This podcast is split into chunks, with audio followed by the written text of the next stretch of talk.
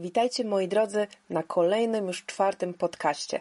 Idę niczym burza, ale to wszystko dlatego, że mam od groma zapisanych ciekawych tematów, które oczywiście trzeba rozwinąć i opracować, ale lepiej tak niż w drugą stronę, gdybym cierpiała na brak weny twórczej. Stwierdziłam, że z racji mojego życiowego i nałogowego gadulstwa forma monologów jest dla mnie najlepszą opcją, ponieważ mogę bez przerwy mówić, mówić i mówić, a to, czy ktoś mnie zechce słuchać, to już jest w ogóle inna bajka, ale przynajmniej daję upust swojemu słowotokowi. Co najważniejsze, przekroczyłam już ponad tysiąc osób na moim kanale. Skąd wy się wzięliście? To ja naprawdę nie wiem, nie ogarniam tego absolutnie, ale jestem przeszczęśliwa, że mogę Was gościć w moich skromnych progach i mam nadzieję, że zostaniecie ze mną na dłużej.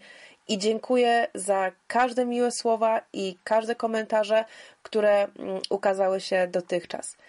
Dzisiejszy podcast będzie według mnie bardzo ciekawy z kilku względów. Przede wszystkim zaproszę Was do wysłuchania sprawy, która miała miejsce w Polsce, a po drugie, choć próbowałam znaleźć inny temat i zostawić dzisiejszą historię na e, inne słuchowisko, to tak wsiąknęłam, że nie mogłam się powstrzymać i musiałam koniecznie nagrać podcast właśnie o tych wydarzeniach.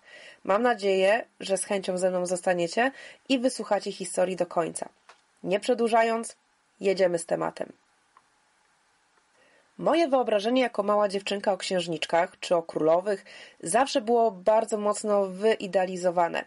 Wydawało mi się, że to cudowne być arystokratką, nosić piękne suknie, drogocenną biżuterię i przede wszystkim wyczekiwać tego księcia, który przybędzie z odsieczą na swoim białym rumaku. Oczywiście wraz z wiekiem i wraz z zagłębianiem się w różne historie prawdziwych księżniczek czy królowych, okazywało się, że wiele, wiele z nich było bardzo nieszczęśliwych, a ich żywot absolutnie nie był usłany różami, co często kończyło się wręcz no, tragicznie. Niestety dzisiejsza opowieść przedstawia właśnie bardziej smutną wizję księżniczki, która szuka miłości, szuka ciepła, zrozumienia i poczucia bycia kochaną, a przez większość życia spotkały ją naprawdę duże nieszczęścia, które w końcu doprowadziły do tragicznego końca. Historia zaczyna się w roku 1906 we wsi Wężowiec pod Mogielnicą w województwie mazowieckim, gdzie rodzi się nasza dzisiejsza bohaterka, księżniczka Zofia Zyta Woroniecka, jako najmłodsza z czwórki dzieci księcia Władysława Franciszka Woronieckiego i księżnej Zofii Hermenegildy z domu Gostomska herbu Nałęcz. Rodzina była potomkami znakomitego rodu książęcego herbu Korybut, jednak czasy swojej świetności mieli już niestety za sobą i praktycznie pozostał im tylko tytuł szlachecki. Woronieccy byli w posiadaniu prawie 200-hektarowego majątku, który raczej chylił się ku upadkowi, niż miałby przynosić jakieś większe zyski. Mała Zosia, według powszechnej opinii, nie była dzieckiem bystrym ani przesadnie ładnym, choć myślę, że to jest pojęcie względne i dla każdego co innego oznacza w cudzysłowie ładne dziecko. Mimo, że miała dużo rodzeństwa, to właśnie ona była ulubienicą swojej matki, takim jej oczkiem w głowie. Chociaż finansowo woronieccy kiepsko sobie radzili, to i tak udało im się wysłać Zosię do znakomitej i elitarnej szkoły z internatem dla dziewcząt przy klasztorze Sacre-Cœur w Zbylitowskiej Górze. Następnie została przeniesiona do szkoły w Ligę w Belgii, również prowadzonej przez siostry zakonne. Według źródeł przybywała także jakiś czas w Paryżu, gdzie uczyła się między innymi gry na fortepianie, co nawet ponoć całkiem dobrze jej wychodziło.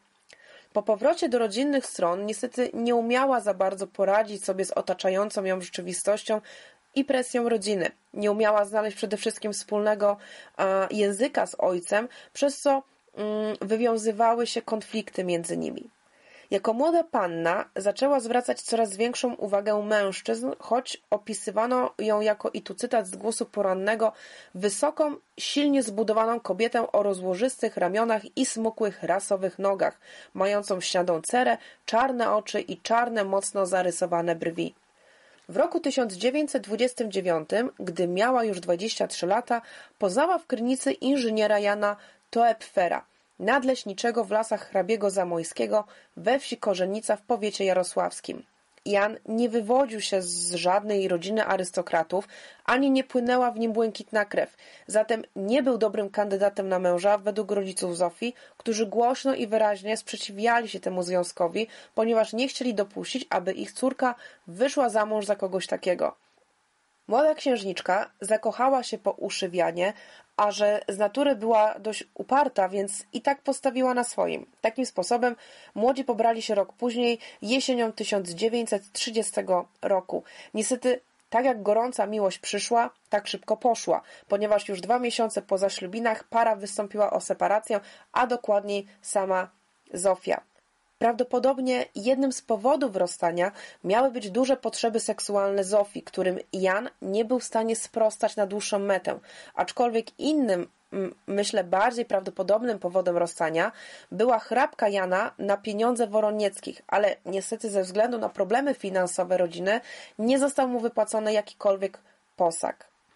Mimo, że o separację wystąpiła sama Zofia, to i tak powróciła do rodzinnego domu wielce załamana, choć i tak nikt nie czekał na nią z otwartymi ramionami. Niestety, wiedząc, jakimi problemami finansowymi boryka się rodzina, Zofia, mimo swojego szlacheckiego urodzenia, musiała znaleźć jakąś pracę, aby móc się utrzymać, a także, żeby nie myśleć o nieudanym małżeństwie. W jej rodzinnej wsi nie było możliwości znalezienia w miarę przyzwoicie płatnej pracy, zatem musiała szukać pracy gdzieś indziej.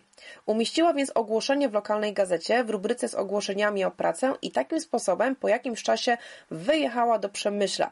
Być może dostała odpowiedź na swój anons odnośnie pracy, ale niestety nie zdołała ułożyć sobie życia na nowo i po niedługim czasie postanowiła wrócić z powrotem do domu.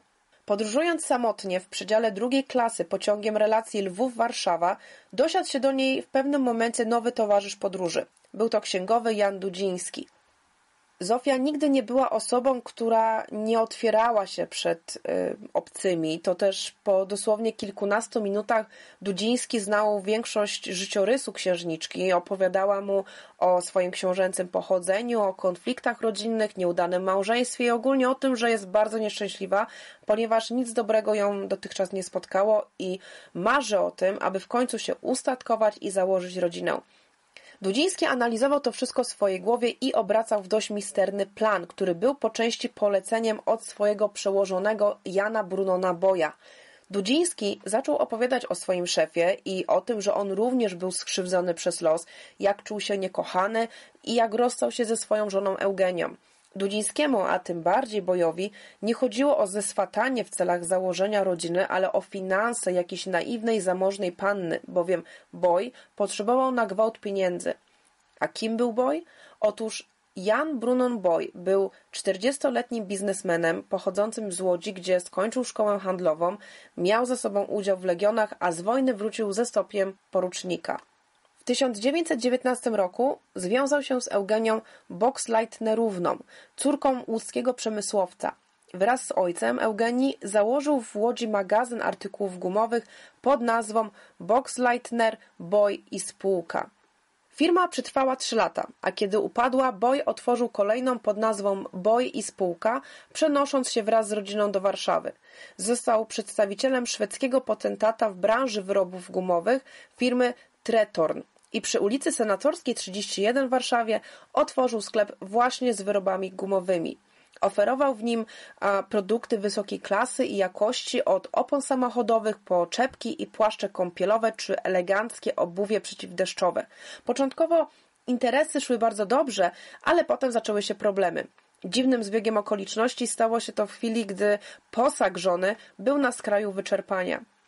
Myślał, że związek z Eugenią i pokaźny posag ustawią go do końca życia.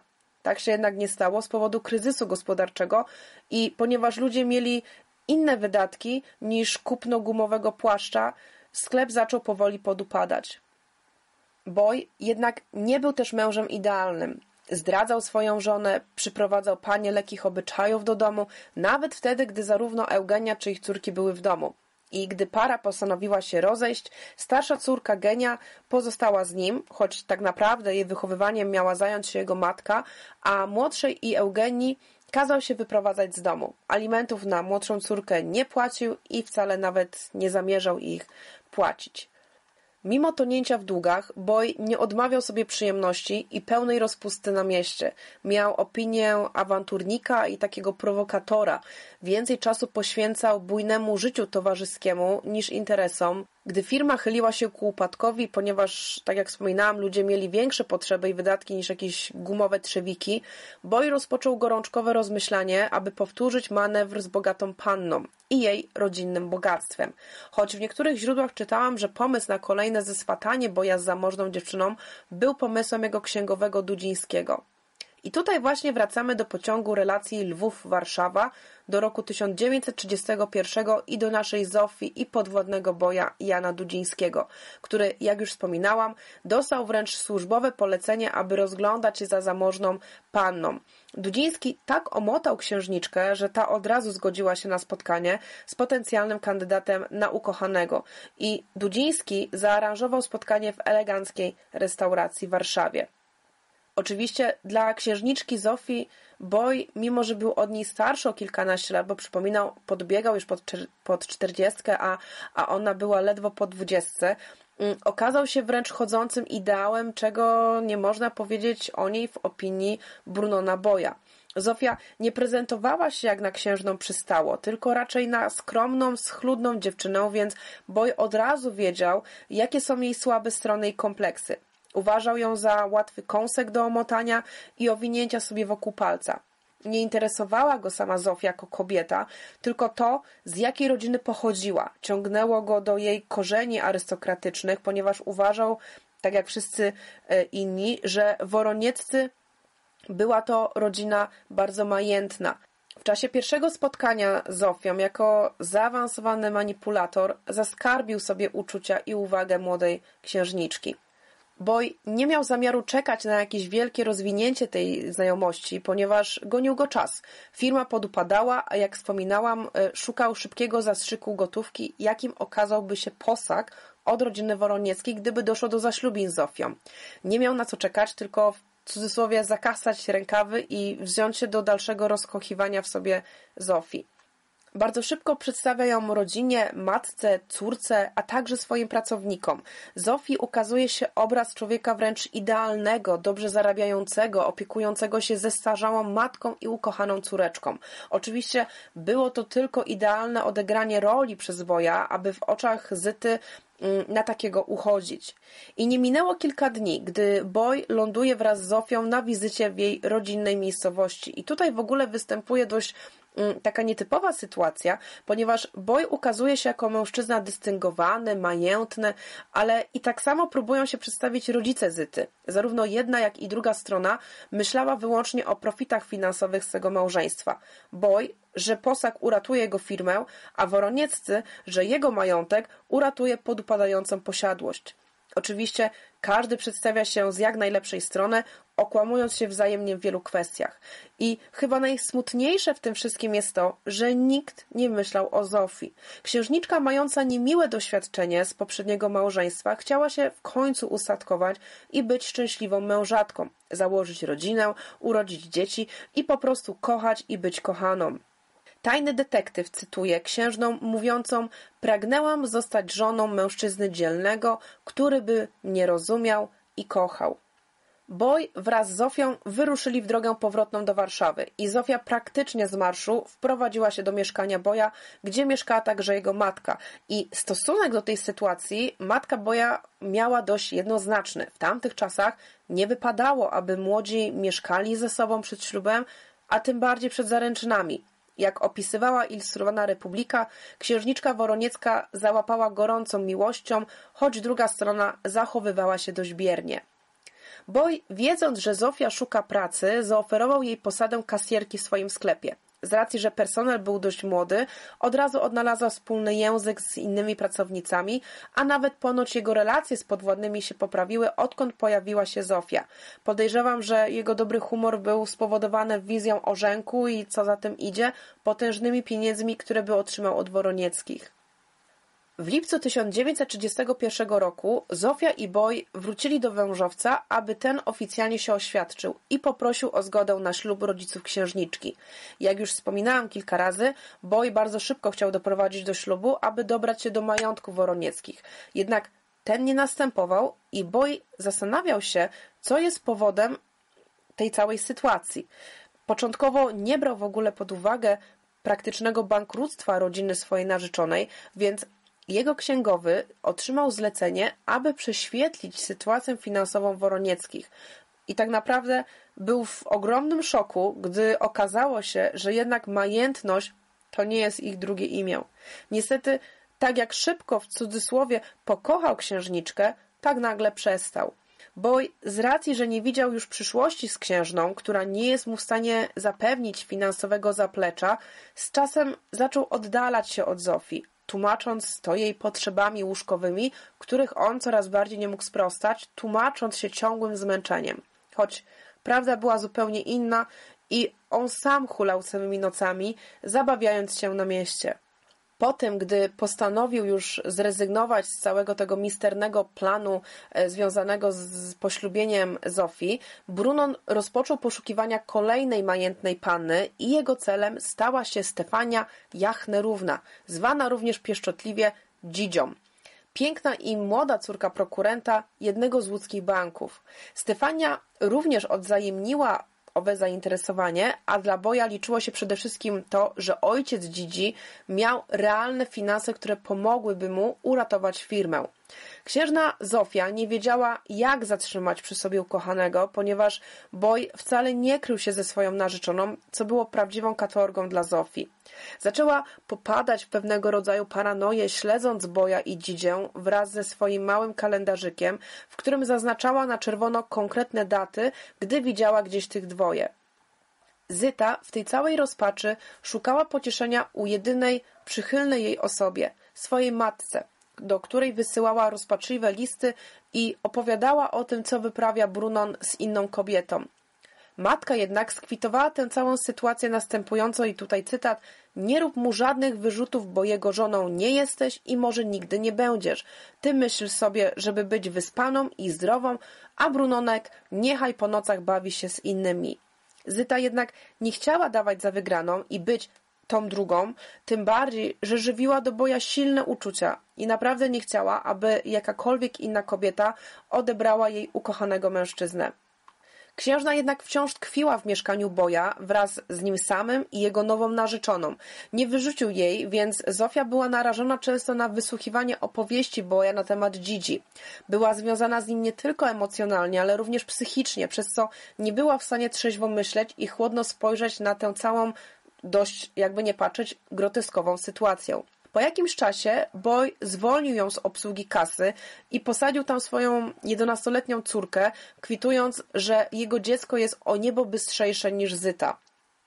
Ewidentne pastwienie się nad Zofią i manipulowanie nią na lewo i prawo sprawiało Burnonowi ogromną satysfakcję, choć nie wiem, jaki tak naprawdę miał w tym cel, prócz znęcania się psychicznego. No, chyba, że to był jedyny jego powód. Apogeum całej tej sytuacji miało miejsce, gdy Zofia dowiedziała się o oficjalnych zaręczynach boja z dzidzią i wtedy coś w niej naprawdę pękło. 19 listopada, dzień przed tragicznymi wydarzeniami, Zofia wpadła na Brunona i Stefanie w kawiarni, gdzie doszło do dość karczemnej awantury, po której Boy wyrzucił ją z kafeterii. I Zofia już teraz była niczym rozjuszona lwica. Przez cały wieczór i noc po tym zajściu nie mogła spać. Analizowała wszystkie spotkania Boja ze Stefanią, przeglądając swój kalendarzyk. Tworzyła w głowie wizję z opowieści Boja o tym, co robili ze Stefanią podczas ich nocnych miłosnych uniesień. Katowała się tym wszystkim, nie mogąc pozbierać myśli, nie myśląc przede wszystkim racjonalnie i spokojnie. Była tak zakochana w boju, że nie umiała dopuścić głosu mm, takiego rozsądku do siebie. Następnego dnia, to znaczy 19 listopada 1931 roku, Woroniecka po krótkiej drzemce wstała o godzinie 7.30, zjadła śniadanie i poczekała, aż z domu wyjdzie matka Brunona do sklepu, a jego córka do szkoły. Chciała być z nim w domu sama, gdy to wszystko się wydarzy. Udała się do pokoju Boja, który jak zwykle na noc zamykał pokój na klucz, ale po natarczywym dobijaniu się księżnej, w końcu zdenerwowany, jeszcze pod wpływem wczorajszego alkoholu, otworzył jej drzwi. Woroniecka zaczęła żalić się jak zwykle na temat jego narzeczeństwa z Dzidzią. Wypominała to, że przez niego jej reputacja została mocno nadszarpnięta, jednak Boj stanowczo i bezwzględnie jej odpowiedział, że między nimi wszystko skończone i innego wyjścia z tej sytuacji nie widzi. Po chwili, gdy Boj odwrócił się od niej, księżna korzystając z okazji, chwyciła leżący na stoliku nocnym rewolwer i trzymając go w dłoni powtarzała, cytując księżną, ja chyba zwariuję, ja chyba zrobię jakieś głupstwo. Wówczas Boy odwrócił się i widząc rewolwer odparł tylko, jeżeli chcesz, to zrób głupstwo. Drugą wersję zdarzeń przeczytałam w Tajnym Detektywie, gdzie dialog wyglądał następująco. Zofia krzyknęła do Boja, przykładając sobie rewolwer do skroni, zabiję się, na co ten miał jej odpowiedzieć, to się zabij. Jednocześnie przybliżył się do Woronieckiej, która w tej samej chwili pociągnęła siedmiokrotnie za spust. Pierwsze kule trafiły w płuca, worek osierdziowy i serce, trzy ostatnie w podbrzusze. Boj umiera na miejscu skutek odniesionych ran. Z racji, że sklep Boja znajdował się na parterze, a na piętrze były mieszkania, odgłosów wystrzałów nie było zbytnio słychać ze względu na panujący gwar i uliczny hałas. Zyta po chwili, doszło do niej, co uczyniła, zadzwoniła prędko na dół do sklepu, gdzie telefon odebrała sekretarka Boja, Eugenia Sztandarówna. Beznamiętnie powiedziała do słuchawki, panno Geniu, zabiłam go. Teraz nie przyjdzie pan Dudziński. Przypominam, pan Dudziński, księgowy Boja. Dudziński wraz ze sztandarówną zebrali się na odwagę i poszli na górę w kierunku mieszkania swojego szefa. Gdy weszli do pokoju, gdzie Zyta zastrzeliła boja, zobaczyli go leżącego w kałuży krwi. Eugenia Sztandarówna zbiegła z powrotem do sklepu, aby zawiadomić funkcjonariuszy policji i teraz znalazłam dwie wersje tego, co zastali policjanci, gdy weszli do mieszkania Boja. Pierwsza wersja mówiła o tym, że Zofia zamknęła się w łazience. I zgromadzeni bali się, że będzie chciała popełnić samobójstwo, ponieważ słyszeli lejącą się wodę do wanny, jednak po krótkiej chwili drzwi otworzyły się i stanęła przed nimi Zofia, ubrana jedynie w elegancki szlafrok i oficjalnie przedstawiła się, stwierdzając fakt, że to chyba jej szukają. Druga wersja mówi o tym, że gdy funkcjonariusze weszli do mieszkania, zobaczyli klęczącą przy ciele boja Zofię, która łkała i przepraszała go za to, co mu zrobiła. Księżna Woroniecka została natychmiast przewieziona do aresztu przy ulicy Dzielnej na tzw. Tak Pawiak w Warszawie e, i niestety w areszcie Zyta przeżywała kompletny roztrój nerwowy. Raz zamykała się w sobie, milczała godzinami, aby zaraz wpadać w histerię i zalewać się łzami. Załamania nerwowe ukazywała też przede wszystkim w pisanych listach, jak i w własnym pamiętniku. W czasie prowadzenia śledztwa miała rzucić się na szyję Eugenii Sztandarówny, łukając i szeptając jej do ucha już dłużej nie mogłam wytrzymać, zrobiłam to z powodu zdrady. Zeznania te potwierdziła w czasie przesłuchania przez oficera policji, któremu oświadczyła, iż Boi, mimo że obiecał się z nią ożenić, zaniedbywał ją w ostatnich miesiącach i spotykał się i zdradzał z innymi kobietami. Zbrodnia młodej dziewczyny, młodej księżnej, wywołała w Warszawie olbrzymie wrażenie, zarówno ze względu na osobę zamordowanego, jak i morderczyni, która pochodziła ze znanej rodziny arystokratycznej. Kilka dni po zatrzymaniu stan psychiczny Zyty był na tyle poważny, że sąd zalecił umieszczenie e, Zofii na obserwacji w zakładzie psychiatrycznym w Tworkach. Głos poranny z 6 czerwca 1932 roku napisał, że w wyniku tej obserwacji lekarze orzekli, że Woroniecka w słabym tylko stopniu jest dotknięta wrodzonym niedorozwojem umysłowym oraz wykazuje cechy psychopatii ustrojowej. Stan tego rodzaju nie uchyla poczytalności oskarżonej, w pewnym stopniu ogranicza jej zdolność do kierowania swoimi czynami. Ilustrowana Republika opublikowała 14 e, lutego 1932 roku artykuł pod tytułem Księżna Woroniecka jest poczytalna, mimo to chce pozostać w tworkach. Zofia nie ukrywała, że czuła się w zakładzie bardzo dobrze, zapewne o wiele lepiej aniżeli w areszcie. Mm, grała tam sporo na fortepianie i czytała dużo książek, więc można by powiedzieć, że traktowała to trochę jak taki pobyt w jakimś sanatorium e, czy w jakimś, jakimś e, innym miejscu.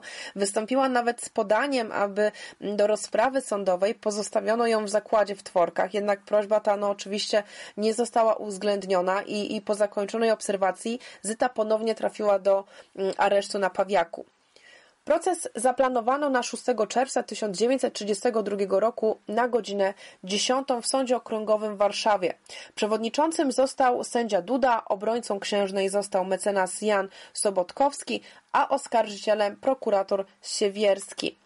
Przed sądem zebrały się tłumy dziennikarzy i gapiów, ponieważ, no jakby nie patrzeć, sprawa była bardzo nietypowa. Z racji, że proces był bardzo medialny, czy zapowiadał się na bardzo medialny, sędzia Duda, mając na uwadze intymne i takie drastyczne okoliczności zabójstwa, utajnił większość rozprawy. Uwagę wszystkich również tak naprawdę skupiały trzy kobiety boja. Pierwsza żona Eugenia Boxleitnerówna, księżna Zofia Zyta Woroniecka, porzucona narzeczona oraz nowa kochanka Stefania Jachnerówna, zwana Dzidzią. Księżna odpowiadała z wolnej stopy, ponieważ udało jej obrońcy załatwić kaucję, aby przebywała na wolności. I tak jak już wspominałam, y, sędzia utajnił większość rozprawy i na czas składania zeznań księżnej Woronieckiej oraz świadków Andrzeja Lupy, Stefana Popławskiego i Jana Dudzińskiego publiczność została wyproszona z sali i dalsza rozprawa toczyła się przy zamkniętych drzwiach. Po przywróceniu jawności obrad zeznawała pierwsza żona Boja, czyli Eugenia Boxleitnerówna. Głos poranny z 7 czerwca 1932 roku opisywał ją jako niewysoką, szczupłą od e, drobnej twarzyczce i delikatnych rysach blondynki z bujnymi lokami. Ubrana była w jasny, skromny płaszczyk i duży granatowy kapelusz pilśniowy. Zeznała, że oskarżoną, czyli yy, Woroniecką, poznała w cukierni Loursa poprzez swojego byłego męża i została przedstawiona jako ex-żona, a księżna jako przyszła żona, ale nie słyszała nigdy o nikim takim jak Dzidzia. Okazało się, że kilku świadków, w tym matka Boja, 80-letnia staruszka, mm, nie są w stanie pojawić się na procesie. Obrońca Sobotkowski wraz z prokuratorem e, Siewierskim nalegali, aby doprowadzić tych nieobecnych świadków na salę rozpraw i sąd po cichej naradzie zdecydował rozprawę kontynuować, a nieobecnych świadków sprowadzić pod przymusem. Następnie zeznawała Eugenia Sztandarówna, czyli wspominana wcześniej sekretarka Brunona Boja. Oświadczyła ona, że Boj w stosunku do swoich pracownic, zwłaszcza tych, które pracowały w charakterze pracownic biurowych, miał dość mm, był dość nachalny i miał takie dosyć śmiałe zachowanie. Opowiadał im często o nocach spędzonych w towarzystwie kobiet mm, i Sztandarówna zeznała, że była świadkiem, kiedy Boj w przypływie złości na swoją narzeczoną Zofię zerwał jej z szyi korale, a gdy ta płakała, wyjął z kasy 20 złotych i powiedział, że ma iść sobie kupić nowe. Sędzia zapytał sekretarkę, czy kojarzy, aby Boy wspominał o swojej kolejnej kochance Stefanii, na co sztandarówna potwierdziła ten fakt, że słyszała o pewnej blondynce, która podoba się jej e, szefowi mm, i nie robił sobie z tego powodu żadnych sekretów, więc mogło się tak zdarzyć, że księżna słyszała te, no jakby nie patrzeć, dość wylewne historie ze strony narzeczonego. Jedynym świadkiem, który przychylnie wyrażał się o zamordowanym, była również pracownica mm, Boja, tym razem ekspedientka sklepu pani Potrykusówna która zeznawała, że gdy jej szef miło obsługiwał jakąś klientkę, to Zofia obrożona wychodziła ze sklepu i szła do ich mieszkania, aby tam płakać i narzekać na to, że przyszły mąż na pewno ją zdradza.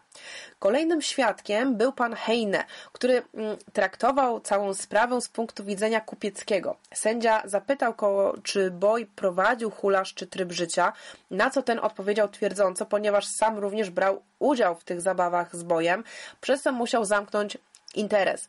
Powiedział w cudzysłowie, słyszałem, że był natarczywy względem kobiet. Obrońca Woroniecki zapytał go, czy Boj opierał swoje mm, plany finansowe na posagu Woronieckich, na co Heine ponownie potwierdził ten fakt, mówiąc, że Boj myślał, że zyska na małżeństwie około 200 y, do 300 tysięcy złotych.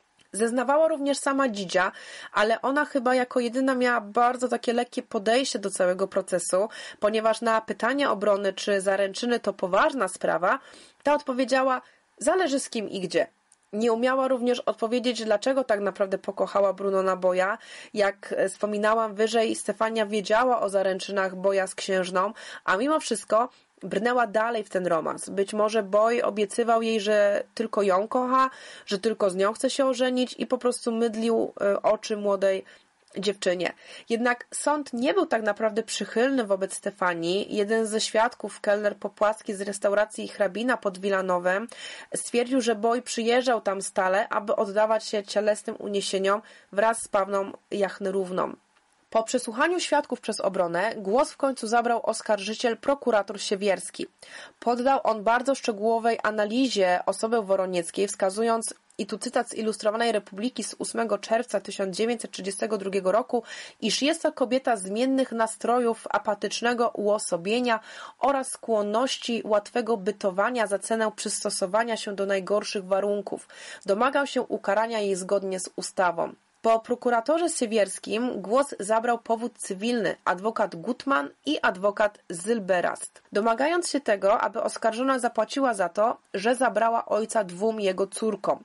Chodziło o to, aby w przyszłości dzieci Boja miały poczucie, że sprawiedliwości stało się zadość za uczynioną im krzywdę i ból spowodowany utratą ojca. I na końcu przemawiał w końcu E, mecenas Sobotkowski, czyli obrońca Zyty, stwierdzając, że według niego księżna jest niewinna. Choć mówił głośno, że nie powinno się źle mówić o zmarłych, uważał, że boj był, cytując, hańbą dla męskiego rodu.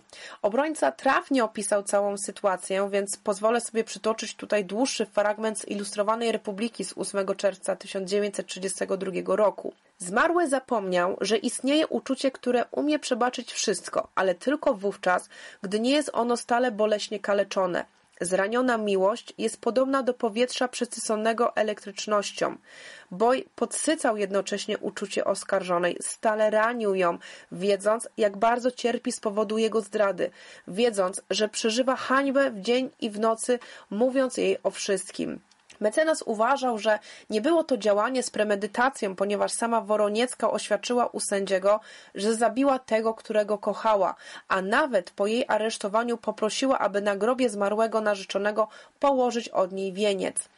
Sobotkowski przechodził następnie do przedstawienia kochanki Boja, Stefanii Jachnerówny, czyli wspominanej już Dzidzi, uważając, że jak już mówiłam, wiedziała doskonale o sytuacji księżnej i Boja i o ich zaręczynach. Swoją obronę kończył stwierdzeniem, że Woroniecka wymierzyła karę mężczyźnie, który skrzywdził wiele kobiet na wiele sposobów. Ponoć wysyłał je do klinik, aby dokonywały mm, potajemnych aborcji po tym, jak zachodziły z nim w ciążę.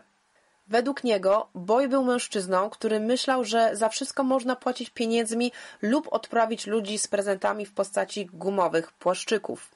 Następnie księżna skorzystała z możliwości ostatniego słowa, w którym prosiła, aby sąd obdarzył ją zaufaniem i uwierzył, że wszystko, co mówiła i robiła, wypływało z poczucia prawdy, gdyż nigdy w swoim życiu nie skłamała. Nie sądziła, że będzie zdolna do takiego czynu i cały swój los zdała na wolę wysokiego sądu. Po krótkiej naradzie około godziny 16 sąd ogłosił wyrok i skazał księżną Zofię Zytę Woroniecką na trzy lata pobytu w twierdzy za zabójstwo z premedytacją. Poza tym zasądzono od niej powództwo cywilne tytułem alimentów dla dzieci po 200 zł miesięcznie od chwili śmierci Boja, aż do czasu osiągnięcia przez jego córki Jenny i Mary pełnoletności.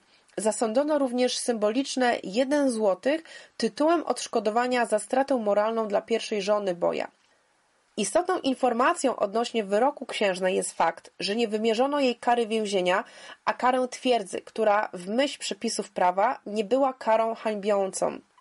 Następnego dnia rozpoczęła się apelacja pod przewodnictwem sędziego Żarskiego. Księżna Woroniecka ponownie nie przyznawała się do zabójstwa z premedytacją, a obrona domagała się złagodzenia wyroku pierwszej instancji, uważając, że zabójstwo dokonane zostało w stanie silnego mm, wzburzenia psychicznego spowodowane ciężkim traktowaniem ze strony boja. Mecenas prosił sąd o taką karę, która pozwoli jej wyjść niebawem na wolność, by rozpocząć nowe życie. Niestety rozprawę apelacyjną przejął prokurator Kazimierz Rudnicki, który był świetnym mówcą, więc księżna miała się czego obawiać. Podkreślał, że według wymogów nowego kodeksu mm, kodeksu karnego należy zająć się Woroniecką pod kątem drobiazgowej analizy jej osoby. Prokurator wyciągnął wszystkie, wszystkie brudy od czasów dzieciństwa mm, Zyty, y, a i oberwało się rodzicom księżnej, począwszy od braku jej należytego wychowania, wysłania córki do belgijskiej szkoły, a skończywszy na tym, że matka dawała jej dziwne rady dotyczące zatrzymania przy sobie narzeczonego. Rudnicki podkreślał, że nie należy traktować Woronieckiej jako młódki, która nie zna życia, ale jako osoby, która, ale jako osobę, która była już mężatką i e, wiedziała, czego chce. Dziwił się jej również, że mimo wyraźnych znaków odboja, że nie jest już nią zainteresowany, to nadal twardo przy nim zostawała ponosząc tego przykre konsekwencje. Nie rozumiał, dlaczego po prostu nie zerwała zaręczyn, skoro Boy traktował ją tak źle. Prokurator naciskał, że jedyną okolicznością łagodzącą może być tylko złe wychowanie Zofii i brak hamulców moralnych mm, i jej histeryczna taka mm, nadpobudliwość. Jak pisze tygodnik ABC z 11 stycznia 1932 roku, obrońca z pasją dowodził, że Woroniecka zasługuje na litość sądu jako osoba, która uczucia, której uczucia szczere i czyste zostały przez Boja podeptane. Na to prokurator w replice odpowiedział, że sąd apelacyjny nie sprawuje miłosierdzia Bożego, a tylko sprawiedliwość ludzką i podkreślił, że wcale nie nastaje na wysokość wymiaru kary, którą uważa za rzecz obojętną, lecz chodzi mu tylko o uznanie w sądzie jego koncepcji. Wyrok w tej sprawie zapadł przed północą i sąd apelacyjny podtrzymał wyrok sądu pierwszej instancji i skazał księżną na trzy lata za zabójstwo w afekcie. Prokuratorowi, jak wspominałam, nie chodziło o wysokość kary, tylko o to, aby Woroniecka mm, była uznana za pospolitego sprawcę zabójstwa i z takim przeświadczeniem miała iść odsiedzieć swój wyrok. Sąd, mimo braku sprzeciwu prokuratora Rudnickiego, nie uwzględnił prośby mecenasa Sobotkowskiego o zwolnienie księżnej, która przebywała w więzieniu już od 14 miesięcy, mm, więc Woroniecka miała do odsiedzenia jeszcze 22 miesiące. Zofia nie odbyła całej kary, ponieważ trzy miesiące przed zakończeniem, mm, przed jej zakończeniem, w dniu 8 sierpnia 1934 e, roku, została wypuszczona z więzienia ze względu na to, że została e, ułaskawiona przez prezydenta prezydenta Mościckiego. Być może pomogła tutaj rodzina, upraszając y, u prezydenta ułaskawienie Zofii. Po wyjściu z więzienia Zyta powróciła do wężowca, jednak problemy rodzinne nadal się za nią ciągnęły, w tym z jej rodzonym bratem e, i sprawiały, że przy każdej możliwej okazji dzienniki, gdy wspominały o sprawie brata, mm, przypominały, że to jest ta Woroniecka od zabójstwa tego e, boja, więc to cały czas, przez całe życie się za nią ciągnęło.